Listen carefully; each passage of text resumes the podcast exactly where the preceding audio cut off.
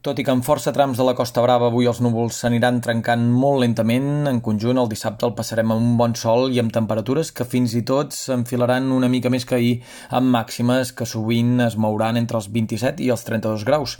A la tarda creixeran nuvolades en punts de muntanya i fins i tot es podria escapar algun ruixat esporàdic a la Vall d'Aran o al Pallars.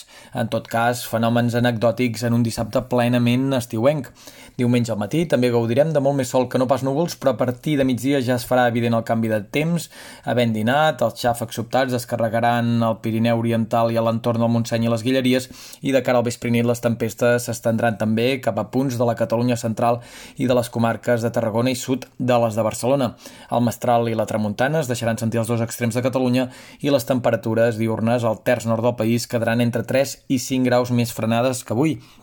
I de cara a la setmana vinent, el pronòstic meteorològic no està del tot clar.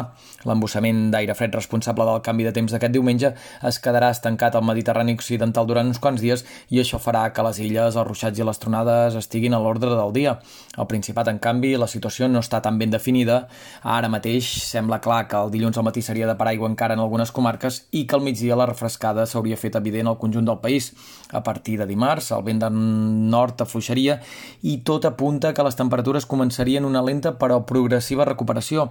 Els núvols no acabarien de desaparèixer del tot, però no s'intueix cap altra tongada de xàfecs més o menys generalitzats abans de 7 o 8 dies.